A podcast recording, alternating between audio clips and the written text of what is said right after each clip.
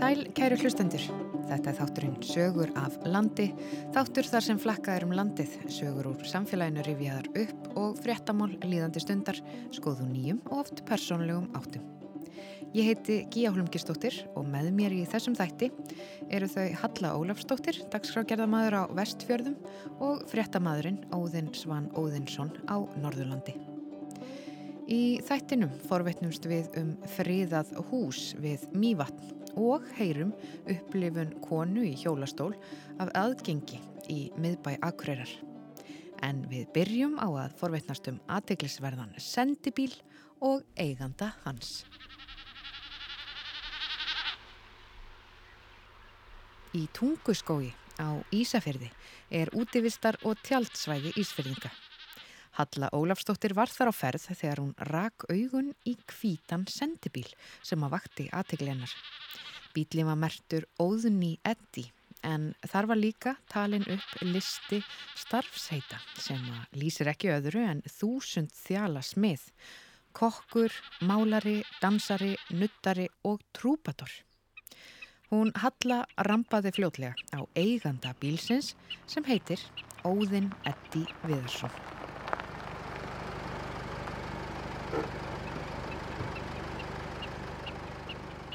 Ég er búinn að merkja sagt, Æsland, Akureyri, það er bara ég er frá Akureyri. Svo Indonesia, Ambarava, það er bara mitt heimabæri hana í Indonesia. Svo logoið, Óðinn, Eddi, Óðinn, það er goðafræðin, það er Guð. Hann er með tvo rafna en ég er með eitt rafn og það er eins og kísa mín. Mm -hmm. Og svo kemur það sem ég er að gera. Það er sérst kokkur, ég er búinn með sjókokkin búinn að vera að vinna við þetta bara í mörg ár ásamt málingunni, ég seit þar.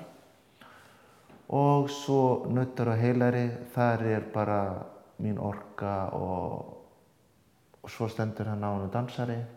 Þannig að ég hef verið að kenna Zumba, Body Combat og svo Troubadour og hann að söngveri það er alltaf gaman að surpræsa fólki og að býði bara ég með fullt af surpræsan inn í bílunum Það var greinilega margt en þá ósagt, svo Halla settist niður með óðinni í þjónustuhúsinu í Tunguskói. Þar sem hann hafði komið sér vel fyrir með róandi hugleðslu tónlist í félagsskap kattarins Simba.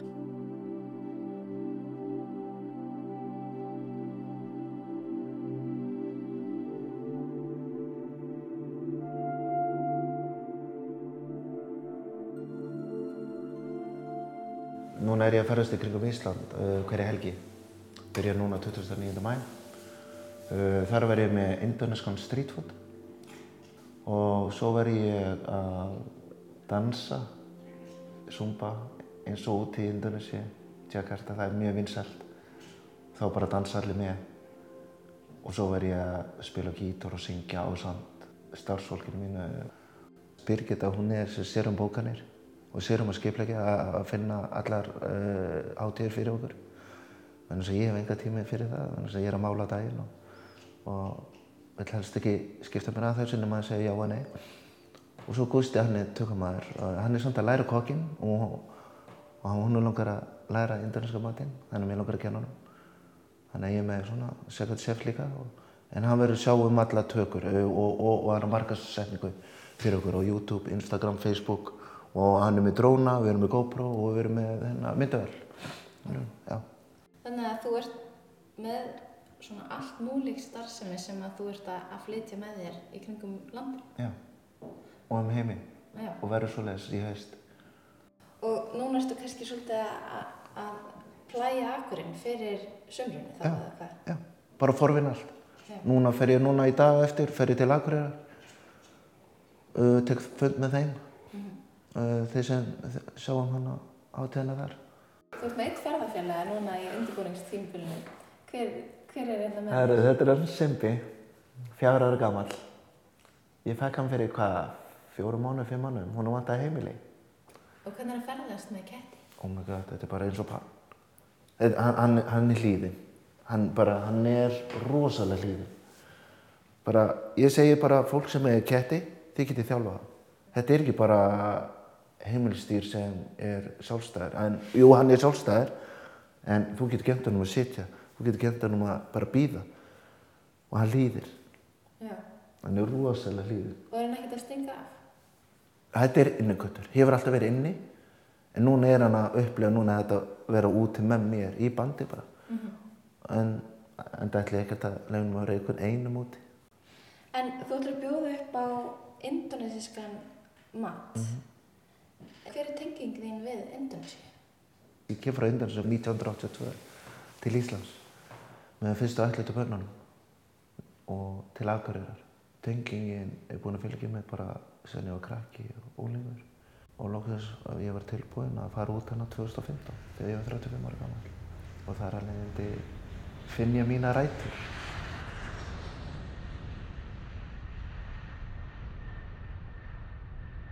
Hvernig barstu þið að? Hvernig, hvað ákvastu, hvernig ákvastu að gera þetta? Ég hafði svolítið eitt, eitt kollega sem bjóð það núti, Jakarta, búinn að vera að vinna þar, eh, mann ekki alveg hvað mörgu ár. Og hann kunni indoneskuna og, og bara þekkti kúltúrinn hann í Jakarta, höfuborginni. Þannig ég setti mig í samband við hann og spurði hvort hann geti hjálpað mér að þessu. Og hann bara, ég þekkti engin eitt. Hann bara, það er svolsögð. Hvernig gekk að finna mömmu þína? Það gekk ofan og framar. Ég reyði mér svona uh, túrgætt. Þar að lendi förum við frá Jakarta til Java sem er Ambarava. Við förum svo til síslumannsins þar, spurum eftir nafninu á konunni, móðurinni og þar eru fleiri en einn og fleiri en tveir, þannig að það voru margar. Og þetta voru föstu degi sem við lendum, þannig að við myndum þurfa að býða til mánudags. Þannig að við förum til Magalang sem er klukkutími frá Ambarava og gistum þar á hóteli og njótið þess bara á, á föstu degi og lögdegi. En svo datt mér henni flög í hugur þess að ég var að borgunni lögin á þessu tíma að hann geti ekki farið tilbaka aftur og spurt bara meir og bara rannsaka svo rannsaka lögreglega. Svo bara segni, bara seint á, á sunnudeginum að ringir hann í mig og byrði mig að prenta út hann að skjölinn sem fylgdi mér. Þannig að ég gerði það.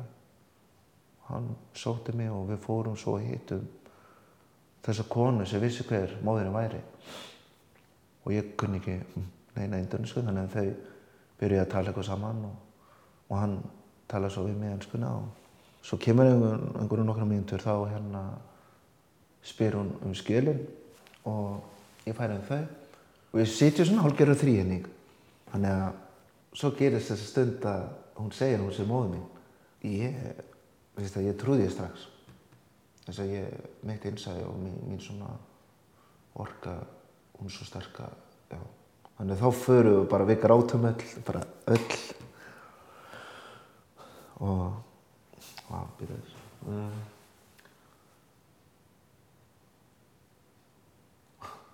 og svo kemur hann að maðurinn og með stelpu og kemur svo aftur og, og það er þessi bróðin svo fer hann aftur út kemur aftur eftir bara smá stund með konu og það er sýsti mín.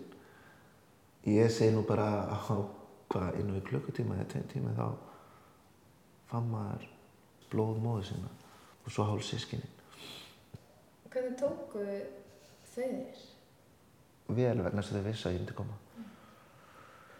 Ég hafði alltaf að tilfinningu að ég myndi hitta þau. Hvenar, vissi það ekki alveg, en ég vissi að það myndi vera fljóðlega. Ég vissi að ég var með svo, ég dreymdi, mér dreymdi og dreymdi. Og eftir þetta, þetta bara byrja aftur upp nýtt. Ég byrja aftur upp nýtt. Bara eins og maður endurvættist. Þá finnst ég bara strax hvað mér langaði.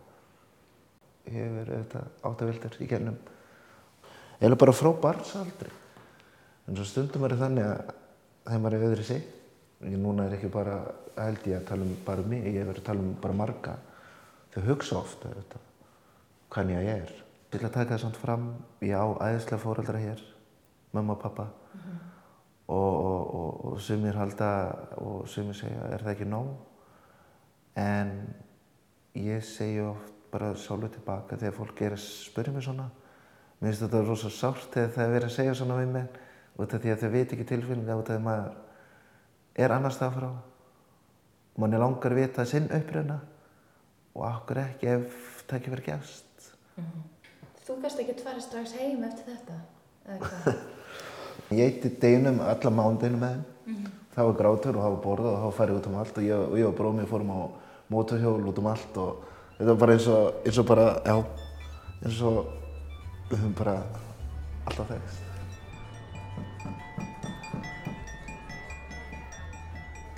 En hvernig fannst þér að koma til Indonési? Hvernig leið þér að vera þar? eins og ég var heima. Bara eins og ég bara skrokk í, í smá frí og svo kom ég heim. Leiðaði steg út úr flugvölinni og var einn maður sem satt við hlýna á mér. Hann vildi hjálpa mér með allt. Ég be- beið ekki röð einu sinni. Ég fór gegnum allt hlið og allt og fekk bara sér stimpil. Og svo segði hann við mig bara, ef þið vantar eitthvað, bara hafðu samband. Þetta veist einhver maður sem átti alveg nóg. En hann að vera komin til Indónsi eftir, uh, við erum að tala um hvað þá, eftir 33 ár, að þá erum við að tala um, ég bara eins og ég var heima, að þú veist, var komin heima. En hvað endar á því að vera lengi í Indonési? Eitt og að hálft ár, Já. En þú ræktar ennþá tengslinn við landið já. og þú ætlar að til dæmis að bjóða upp á indonesískan mat. Já, núna í sumar. Já. Í flestu, eða ég ætla að vera á þessum hóttum sem eru að gerast hér um, um helgar á Íslandi og, og ef þeir sem follow okkur eða sjá okkur á Instagram eða Facebook, þeir sjá hvar við er, verðum alltaf. Ég held að bara þetta sé aðeins nýtt á Íslandi þess að, þú veist, jú, matarvagnar eru að koma, en það er bara matur, það er engin skemmtinn kringu það. Og það er eitthvað sem mér finnst vanta hér á Íslandi. Þannig að við viljum djamma, en við eigum alveg þurfa, getum að, eigum að geta djamma á þess að drekka. Þannig að sérst, mér finnst akkur get ég ekki búið upp á þetta eins og einhver annar. Mér langar bara, já, Láta ég, þetta reyna. já. En þú ert með þennan bíl með þér. Mhm. Er hann í rauninni bakistöðin og undirstaðan að öll sem að þú ætlar að, vera með í sumar? Já, og pluss meir. Að, þú veist, ég tengi við hann tjald. Þetta er gert á vópunum. Allt, allt. Þetta kallast nasi gore og nasi ayam og það er með kjúkling og nasi camping, það er með lambakjöti. Og svo er græmyndisreitin, þeir sem eru græmyndis. Og það er alltaf sami grunnurinn. Og svo er ég með líka satay ayam og satay camping. Það eru svona spjót.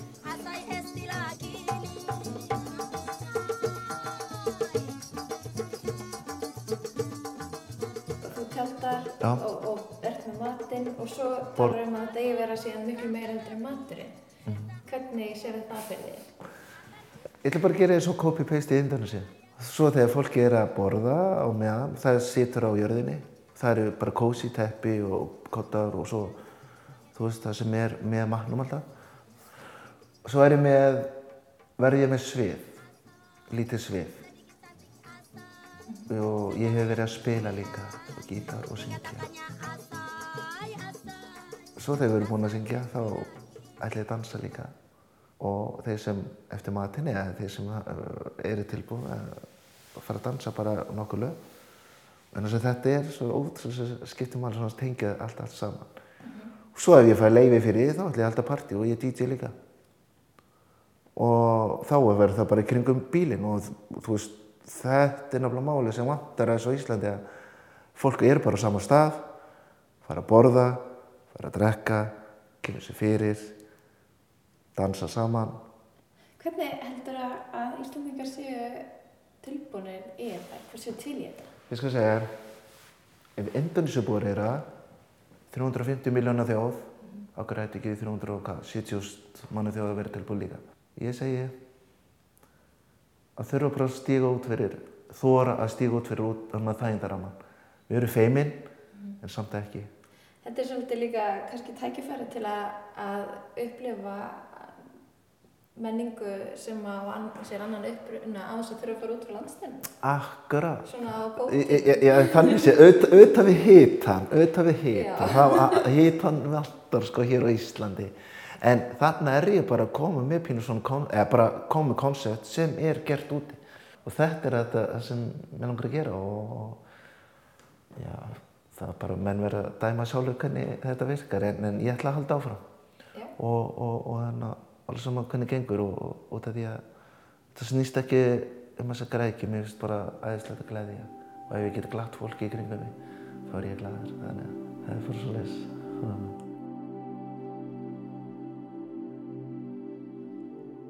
Frá tunguskógi á Ísafjörði höldum við norður. Við heyrum næst í konu sem fyrir ekki svo löngu lendi í leiðilegu óhappi í göngugötunni á Akureyri þegar fremri dekkin á hjólastólum hennar lendu í brunnloki og hún steiftist úr stólnum. Og þetta er ekki fyrsta skipti sem fólk í hjólastól lendir í vandraðum í miðbæ Akureyrar og ekki síst í göngugötunni. Enda eru hellutna þar víða misháar og signar. Við heyrum hennar sögu. Ég heiti Sigrun Marí Óskarsdóttir og ég er akkureyringur, hef búið hérna við. Um, ég lendi í hjólastól þegar ég var 8 ára gömul. Þá voru við fjölskyldan í frí í Danmarku og lendum í bílslýsi bara síðasta daginn eiginlega en við komum heim. Uh, sko, ég man nú ekki mikið eftir því en ég var náttúrulega flutt á spítala eftir á uh, og var haldið sofandi í 17 sólaringa og svo var ég flutt hingað bara til Akureyrar bara á FSA og var þar í einhver tíma, man ekki alveg nákvæmlega hvað langan. Og svo bara svona þurfti ég að aðlagast lífinu eftir satt, eftir að ég var komin í hjólastól. Ég er sér að dreifbeinsbrotnaði á mörgun nefjum, viðbeinsbrotnaði uh, það blætin á heilan Livurinn, það kom eitthvað fyrir livurina uh, og svo náttúrulega fekk ég mænuskaða. Og það er það sem veldur því að þú ert í hjólastölu í dag? Já. Manstu, þú ert átt ára þegar þetta gerist, manstu eitthvað eftir aðtökjunu sjálfu hvað það er sem gerðist? Uh, nei, ég, sér að, uh, það var mjög skítið minni mitt, sér að fyrirslýs, það er bara allt farið, sko. Eða, svo náttúrulega, þú veist, reyfast upp fyrir mér þegar fólk talar um hvað gerðist en annars mann ég ekki neitt sko. Þannig að þú mannst ekkert fyrstu 7-8 ára æfinar fram að slísinu? Nei. Hvernig er það verið? Er það ekki svolítið skrítið? Jú, það var mjög sérstætt sko, sérstaklega fyrst eftir að því að hérna þá var, þá voru verið að tala um eitthvað skemmtilegt sem að gerðist fyrir slís og ég myndi ekki neitt eftir því. Þú kemur til Akureyrar, eins og segir, eftir að þú ert búin að vera á sjúkrás í Danmörku í einhver tíma. Hvernig, hvernig var það að koma, koma hinga heim? Uh, það var mjög skríti. Ég var náttúrulega, sem sagt, ég var búin að vera sofandi svo lengi að ég var mjög ruggluð. Ég held alltaf að við værum bara á, uh, sem sagt, hérna Norrænu ferjunni sem við fórum með út. Við tókum Norrænu þegar við fórum út og svo þegar ég kom heim var á spítalunum þá bara held ég að við værum með þá á Norrænu. En þá varstu bara komin til Akureyrar? Já. En hvað tekur við? Svona lífið hlýtur að tekið algjöra uppeyju við þetta slís. Hvernig eru árin eftir það? Er náttúrulega, sko ég lendi að ég alveg sökk niður í þunglindi, sko. Um, og það var mjög erfitt sérstaklega að fara í skólan, skilur og uh, sérstaklega allir vini mínir náttúrulega vissi ekki hvernig það er hægt að takast á þetta. Þannig að þeir eiginlega svona bara fóru eða þannig. Þannig að og já, ég bara eiginlega misti marga vinni og sökk í þunglindi, sko. Heldur að sé að því að fólk, eða bara börn á þessum tíma þetta, vissu bara ekki hvernig þau áttu að, að takast á þetta og, og, fjarlæðist hannig. Hva, hvernig upplýðið þú þetta? Já, ég held bara sérstaklega á þessum tíma, þetta var náttúrulega sko 2002, það er náttúrulega, og við vorum hvað, 8 ára og það er ekkert, 8 ára börn eru ekkert vöna að takast á við svona sko og þá var ekkert endilega að vera að tala um þú veist, svo, að svona geti gerst og hvernig þau getur tekist á við ef að vinnu þeirra allt í hennu væri fallaður, skilu. Heldur þetta sé búið að breytast eitthvað í dag? Uh, mér finnst allavega svona verið að tala meir um, eða ég held að sé verið að tala meir um þetta við yngri krakka, sko. Þannig ég vona að þetta hafi breyst. En er það ekki mitt leiðin til þess að svona, þetta, svona dæmi endur takkir sig ekki, að þetta sé meira í umræðinu? Jú, klárlega. En þú hefur nú eitthvað aðeins látið þið varða svona eh, aðgengismál fyrir fólki hjólastól og bara síðast í, í, í síðustu viku var hérna bladagrein í staðarmiðlinum hérna akureyri.net það sem var rætt við þig uh, hefur þetta alltaf hefur brunnið fyrir þessi mál frá því að atviki varð?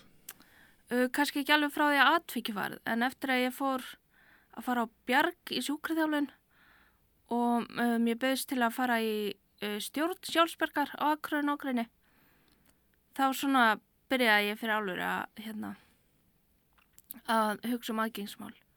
Þá kannski stóra spurningin, hvernig er að vera í hjólastól á Akureyri? Sko það er uh, ágætt allavega í nýlegum, á nýlegum byggingasvæðum. Eins og þú veist á Glertorki og, og svo leiðis. Um, en hérna neyri í miðbæ er þetta alveg hörmulegt. Á hvaða leiti?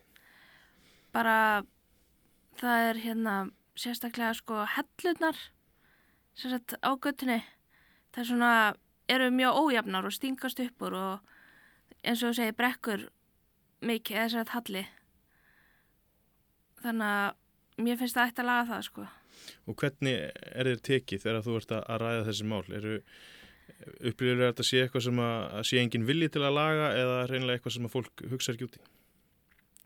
Sko aðalega er þetta eitthvað sem fólk hugsaður ekkert endil út í. Það er, sko, fólk segir að það háli vilja til að laga þetta og þannig, en svo bara gerist ekki neitt. En hvað er það sem að, svona, eh, er hægt að gera til þess að, til þess að þetta sé allavega viðunandi hérna eins og nýri miðbæ? Þetta er auðvitað gömul hús og mikið af, eins og þú segir, hellur og alls konar sem var ekki hugsað út í, í þá, þá daga, en hva, hvað geta kaupmenn og, og, og slíkir gert? um, ef við tölum um kaupmenn og búðir sérstaklega inn í miðbænum það var sér að mjög erfitt að komast inn í þeirra því að það er mjög háið þröskuldar og svona. Það er bara einfaldast er bara að hérna útbúa einhvern planka eða eitthvað svona sem myndi þá virka sem skábröð ég maður þegar ég var í London þá fórum við inn í einhverju svona gamla búð þar sem voru sérstaklega tröppur upp í og, og það var bara ekkert mál. Hérna vestlunægandin eða svo sem var að vinna kom bara út með eitthvað bara planka. Og þá bara var málið málun er rettað. Þannig að það þarf kannski ekki að vera neitt svakalega framkvæmdir bara meiri svona kannski viljið til þess að leggja eitthvað til og, og, og retta málun. Algjörlega og bara út, útsjóna sem er. Akkurat. Uh, en þú lendi nú í leðindar atviki bara í miðbænum eins og kom fram í þessari grein eh, bara fyrir stuttu. Getur þú sagt með hvað gerist þar? Uh, sem sagt ég var bara átti erindi í miðbæin og hérna uh, aðstofamæðurinn minn, ég er með NPA þjónustu og hún var sér þetta bara að íta mér að því að við vorum að fara upp brekku og svo held hún áfram að íta mér aðeins bara þóttu við vorum komin í jafnslétt. Og þá bara sér þetta var svona holræsislokk sem stóð upp úr hérna sem bara skadaði eða upp úr jörðinni. Og hún, hún alltaf, hún er hérna, hefur ekki farið með mig, með mig mikið svona neyri bæ. Og fattaði ekki þetta sagt, lifta litlu dekkjunum á stólunum mínum upp þegar hún kom að þessu loki. Þannig að hún fóð bara beint á það og ég bara flög úr stólunum Og, og slassaðistu? Nei, sem veitur fyrir ekki ég bara fekk aðeins bakkið en það er gengið tilbaka En svo sem er með þér sem aðstofamæður, henni, hún er vantilega verið skjálkuð Já, ég, hún fekk alveg smá sjokk. En hvernig er það, þetta NPA, hvernig fegst þú svoleiðis og hvernig virkar það? Uh, ég fekk þetta fyrir, hvað, tveimur árum. Þetta er bara allt annað lífa því að fyrir NPA, sko, NPA þá stjórna ég tímanum hvena ég vil fá aðstöð. En fyrir NPA þá var ég með heima þjónustu sem var bara ákveðin tími, sko, sem þær komið, gáttu komið á. Þannig að þú varst í einhverjum ákveðnum ramma um bara hvenar þú geti farið í bíó og hvenar þú geti farið í sund. Já, akkurat og ég þurfti alltaf að fara upp í rúm klukkan hálf tíu á kvöldinu sko. En uh, svona, framtíðin, hvað, hérna, þú er búin að segja mér að þú ert að klára mastersnám, hvernig séru framtíðina fyrir þér hérna á Akureyri? Eða verður hún á Akureyri? Um, sko, ég er ekki búin að hugsa neitt að flytja hérðan, um, en bara næsta skrif er að, sagt, í haust byrja ég í uh, æfingakenslu og vettvánsnámi í skóla ég hlakka mjög mikið til þess og svo bara ætla ég bara að kenna. Sálfræði kennari á Akureyri. Já. Næst er ferðinni heitið í Mývassveit og við skulum láta tónlistina leið okkur þangað. Hér heyrum við lægið Töfrar eftir Solveigu Illugadóttur. Tekstan orti Hákon Aðalsteinsson og það er Jóhanna Seljan Þóróttsdóttir sem syngur.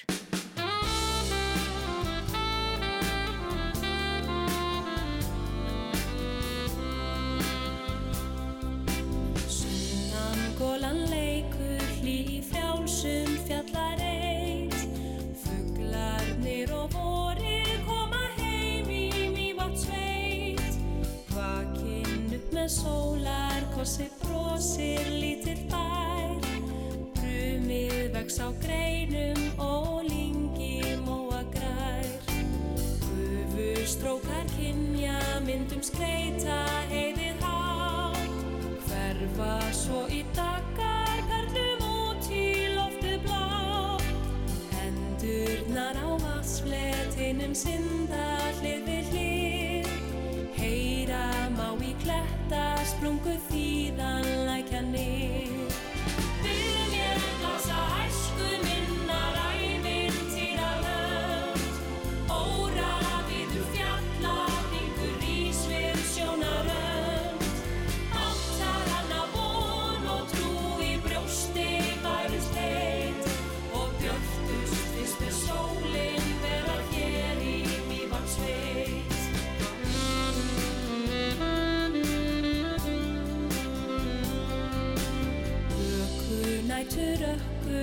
ökkulausar verma huga manns. Vindurinn og glettinn bára stíga léttan dans. Yfir færi sumarlognið allt er kýrt og hljóð. Undarlegt er hver fellið í vorsins björtu nótt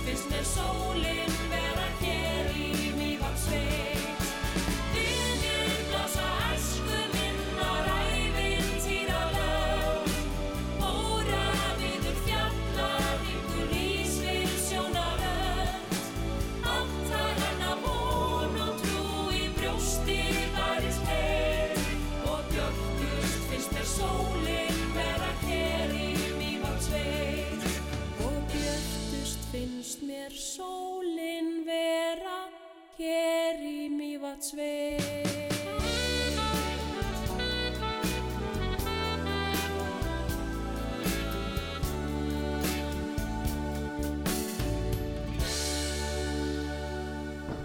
Benedikt Sigurðarsson, þú heldur hérna á, já þetta er svona ljósmynd. Og það er nú margir sem að eiga svona ljósmyndir af, af jörðum. Segðu mig frá þessari mynd. Já, þetta er á Mats loftmynd sem að Mats Víbelún sem var sérstaklega uh, hændur að Mývatsveit og átti þar sína fyrstu viðkomu á Íslandi að sumuleiti. Hann uh, fórum víða um og myndaði úr lofti og seldi svo uh, hérna á fólki um, um, um bújarðnar og móðum minga gaf okkur þessa mynd einhvern tíðan fyrir uh, órálengu síðan. Og hvaða jörð erum við að horfa á þarna? Við erum að horfa á græna vatni í Mjóðsveit og uh, þetta er eina af þessum jörðum í Mjóðsveit sem var lengst af í fjölbíli, það er að segja uh, það var tvíbíli þegar að, þegar að mitt fólk flutti í græna vatn árið 1890 og tveimur árum senna flutti Helgi Jónsson og Kristín eh, kona hans á, í, á jörðina og afkomendur þeirra halda á þessari jörð og, og sitja þar enn. Við erum komin í heimsókn til Benedikts Sigurðarssonar sem ólst upp í Grænavatnsbænum við Mývatn. En Grænavatnsbærin fekk nýlega hæsta styrkin úr húsafriðuna sjóði minjastofnunar. Við heyrum minningar Benedikts af bænum. Já, ég, eh, ég er semst fættur 1952 og ég man eftir því þegar að hinar fjölskyldunar fluttu úr bænum 54 og 56-7 og uh, þá er sem sagt þessi bær og var, var lengst af frá því að þetta framhús sem er uh, alþekkt var byggt 1913 þá var þessi kannski aðal íveru hluti bæjarins voru bakhús sem stóðu bak við þennan núverandi bæ. Og var svona hvað sé nokkuð klassísk fyrir fyrir hluta aldarinnar og blönduð efni timbur og, og, og í, í torfkampi. Já. og uh, það voru allan tíman sem sagt aðal íveruhúsin framhúsið sem að núna stendur var það var aldrei nútíma vætt það var þeim aldrei lögð í það miðstöð. Og, uh, og það var sem sagt takmarkað ra rafvætt og þegar að mitt fólk flyttur þarna út uh, 1969 síðast þá, þá er, er sem sagt, uh, já hvað að segja, þá eru enn uh, uppistandandi þessi bakhús Já. sem að síðar hafa verið rifin.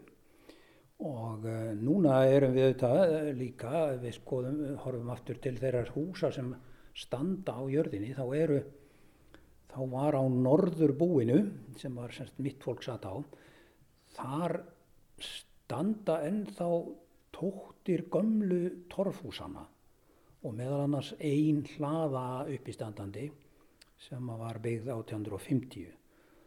Þessi hús voru uh, lengi vel uh, hérna, uh, í nótkun, uh, bara fram eftir öllu og síðustu árin undir blikki Já. sem að uh, kom á þau 1927-8 þegar, að- þegar að grænavarsbændur uh, áttu peninga þá, höfðu efni á því að kaupa blikk og, og, og uh, nágranna konan hagirðingurinn þauðra í gardi gerði að sjálfsögðu grína því því að þá glampaði á all húsin á grænavatni og hún orti uh, vísu sem varð fleig sem að hljómar einhvern veginn svona uh, framsókn mörgum gerir grikk glampar í augun stinga allt er komið undir blikk íhald grænvetninga og það þarf ekki að útskýra það meira ég menna framsónaflokkurinn var ríkistjórnarflokkurinn og, en, en afi minn og, og máur hans voru uh, heldur sig við að vera íhald alla tíð Þessi bær, gamli bærin, Grænavatsbærin,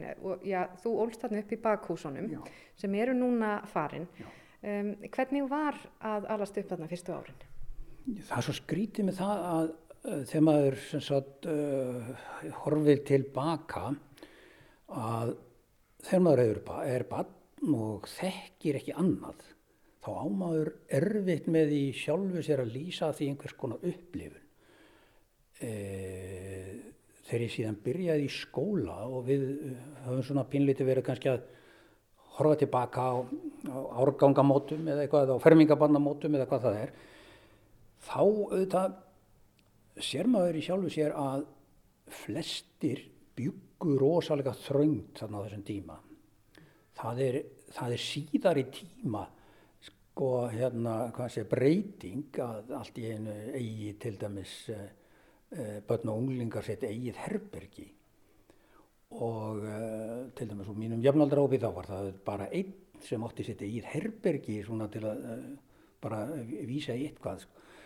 og þetta var svona, hvað sé, lítið eitt uh, nútímalegra heldur en hafði verið 1920 til 1950 uh, samveiturafmagnið í, í, í Þingæðarsíslu uh, í mín, minni sveit kom til dæmis fyrst 1962 E, og þá, þá hérna loksins var farið að elda á rafmagni og við, þá, var, þá var fyrst stabílt rafmagn fyrir þann tíma og, og í, frá því um 1930 þá notuðust menn við vindrelluna og batteri sem að endust nú uh, kannski dálítið oft í mjög sveit svona því það eru trekkar vindar samt uh, uh, einhvern hlut, ár, hlut úr degi. En, en uh, og eins það var, það var kynnt með kóla og, og, og brennslu kalli þannig að, að, að þetta var já, þetta var frumstætt. En, en eins og ég segi ég, ég get ekki í sjálfu sér borðið það mikið saman við annað. Og, og e, ég var að verða 11 ára þegar ég byrjaði semst í skóla. Þar sé ég þá í heimaðustarskóla af því að mjögningar voru svolítið lengi að koma upp skólanum yfir þennan fjölmenna árgang sem að fættist 1952 Eh, þannig eh, en já, ég meina maður þekkti ekki annað og uh, það var einhvern veginn maður hafði ekki maður gati ekki búrið þetta saman En þú hefur getað borið saman þegar þú svo flytur og þið fjölskyldan úr Grænavatsbænum yfir í nýbyggða húsið. Hvernig voru þau umskipti?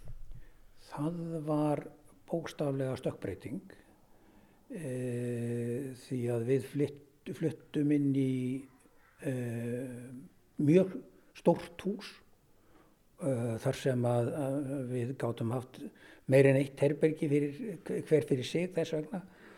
Og e, það var sem sagt bókstaflega annar heimur á alla kanta og eins og ég segi, ég uh, þe- þessi gamli bær var aldrei nútímavættur, það var aldrei gengið frá skólplögninni sem að var þó lögð í bæinn og af því að það stóð alltaf til að leggja hann af. E, og e, ég held að það s- að mörguleiti segja að það var svona eiginlega hálgerð slembilukka að uh, ég og kona mín og, og Jónas Helga, sonur, He- bróðir Haraldar og hans kona, við uh, tókum upp á því á einum, uh, hvað ég segja, fallegum snemsumardegi 1980 að við drifum í, í því að uh, mála og hressa upp á uh, frontin á gamla bænum og ég held til dæmis að, að uh, Helgi, heitinn á Grænavatni, hann leit alltaf svo á að það væri bara tímaspörsmál hvenar við færum í það að rífa gamla bæinn. Og uh, ég var rifja það upp að Jónas Helgason, hann saði einhvern tíðan á dögunum að, að, að bollaleggingin um, um staðsetningu til þess á íbúðarhúsinu okkar sem að var reist þarna var sem sagt merkt fyrir 1967 hún var svona eiginlega ákveðin miða við það að það væri lámarkspláss sko þangað til bærin yrði rifin e, því betur var hann að sjálfsögðu ekki rifin og, og ég- héðan af verður hann ekki rifin og ég, um, það er mjög ánægilegt að, að, að uh, upplifa það að það er svona komin reyfing á uh, endurgerð og lagfæringu á þessum bæ og mögulega á á því að endur byggja eitthvað af þessum gömlu húsum sem gætu myndað býstna heildstætt þorp þar sem er þyrpingu sem að þar sem er sem sagt hesthús og hlaða og, og minnstakosti tve- tvenn fjárhús. Já. En hvenær voru þessi bakhús rifin sem að, þar sem þú bjóst svona þín fyrstu ár? Þau voru rifin í svona einhverjum tveimur áfengum uh, líklegast 1976 og 1980. Ég held að við höfum klárað svona að, að losa okkur við reyðrildi úr þessu 1980. Ég, ég, ég held að það hefði verið sama ár og Vigdís var kosin forseti. Og það var aldrei neinn umræðum að, að, að halda þeim eh, í horfinu. Þetta var bara uh, þið ætluðið að rífa þessi hús. Eh, Sko, ég held, að, ég held að það hafi aldrei komið til álita en á sama hátt þá, þá kann vel að vera að ef að menn verða stórhuga þá detti mönnum í hug í alvöru að, að, að já, meina, það er menningar verðmæti að endur gera hús, það er ennþá, það er, það er ennþá alveg grunn rammin á húsunum, það eru eru steift gólf úr þessum, þessum eldri bæjarhluta, Já. eh, þessu, þessu, þessum húsi sem búið er að rýfa. Það eru, það eru sta, klár staðsetning á skorsteinum þannig við verðum ekkert í vandræðum með að, að staðsetja veggi á réttum stöðum ef menn fara í það á annað borð e, og eins og ég segi, ég, ég sko nútíminn e, þó það sé ekkert mjög langt síðan 1980 þá hugsar því betur. Nútíminn dálítið mikið öðruvísi. E, og, og það eru, það eru sem sagt það, eru e, það myndi að mínum að þetta aldrei koma til greina að e, eigendur jarðarinn að færa að byggja þetta upp þá er nefnir í þeim eina tilgangi að þeir myndu fá til þess fjármögnun sem að hefði það markmið að, að viðhalda og framlengja til dækin menningarverk meðrumæti sem segja okkur einhverja sögu. Og ég, ég held að það geti þessi bær gert. Þetta, þetta framhús var e, í svona svolítið svipuðum stíl eins og, eins og nokkur fleiri framhús sem voru byggð í Þingeðsíslu Já. e, á fyrstu árum síðustu aldar og í kringum aldamót. En þenn, hann var öðruvísi að þýleitinu til að hann var stærri og hann var alveg samhverfur, hann var sem sagt speilmynd Já. hvað af öðru. Og svo þetta fram, eh, framhliðin, Já. þetta sem að þið ákvaðað að mála þarna uh, um árið, um, þetta var smíðað þarna 1913. Já. En áður hafði þetta verið með svolítið hefðbundan í lægi. Þú síndi mér hérna mynd Já. áðan. Hvar er hún nú? Já, það er hérna. Það er þessi. Það er í, í bókina Sjálf Stefánssonar uh, sem um torfhúsinn. Þar sjást tvær útgáfur af, af hérna, uh, framhlið gamla grænavars bæjarins. Annað er málverk Mhm. uh, og uh, pínlítið eldra og uh, eða frá 1855 held ég og síðan mynd á grænavars bænum eins og hann var fyrir 1913 e, bara senni á einhverjum fyrstu árum. Þá eru þar, þá eru þar sjö, sjö bustir sem eru sínilegar og e, þetta hús var tekið niður. Þessi fremsti hluti, það var grafinn þarna kjallari og e, núverandi framhús byggð, byggt ofan í, ofan á kjallaran og ofan í þetta bæjarstæði. Já. Og svo hérna rísu eitthvað tíman síðar megin þessi bakhús, er það ekki? Eða voru þau þarna? Þau, þau voru, sko, grunnurinn af þessum bakhúsum var eh, hluti af gamla bænum og þau voru byggð upp e, miklu nær því, ja, sé, þeirri mynd um húsaskipan sem að var e, bakhúsa eða baðstofu hluti þessa gamla bustarbæjar og þá voru sem sagt löng göng sem tengdu, tengdu þessa bæjarluta og þá voru þarna hlóðareldús og uh, fjós í milli. Já, Já nú, þetta er greinilega mjög lífrænt hvernig þetta byggist allt upp og er, er svona breytist og svona. Uh, maður hugsa líka um fólki sem að bjóð þarna og minningarnar út af því að hús eru nú mikið til uh, fólkið sem bjóð í þeim. Eru þið fjölskyldan, út af því að hafi nú búið þarna svo lengi, sama fjölskyldan, eru þið búin að skrásetja svolítið og, og kafa ofan í og, og, og ja, að muna þessa sögu, sögu húsana og, og hvernig þetta allt var? Nei, ég held að það sé alveg óvægt að segja það að við erum svona sömuleiti á byrjunarreiti í því. Það sem auðvitað, uh, það sem auðvitað breytir hlutónum frá því um já við skulum segja 1960 cirka er það að það eru til myndir af ímsu samt hefur engin myndað skipulega þessa húsarskipan og bæjarskipan fyrir en þá að, að við erum kannski að byrja á því núna og ég held, eða ég lefi mér að vona að, að, að hérna það uh, svona þessi stuðningur sem er, hefur komið fram frá húsafriðunar sjóði núna muni í raun og veru bara hvetja okkur til þess.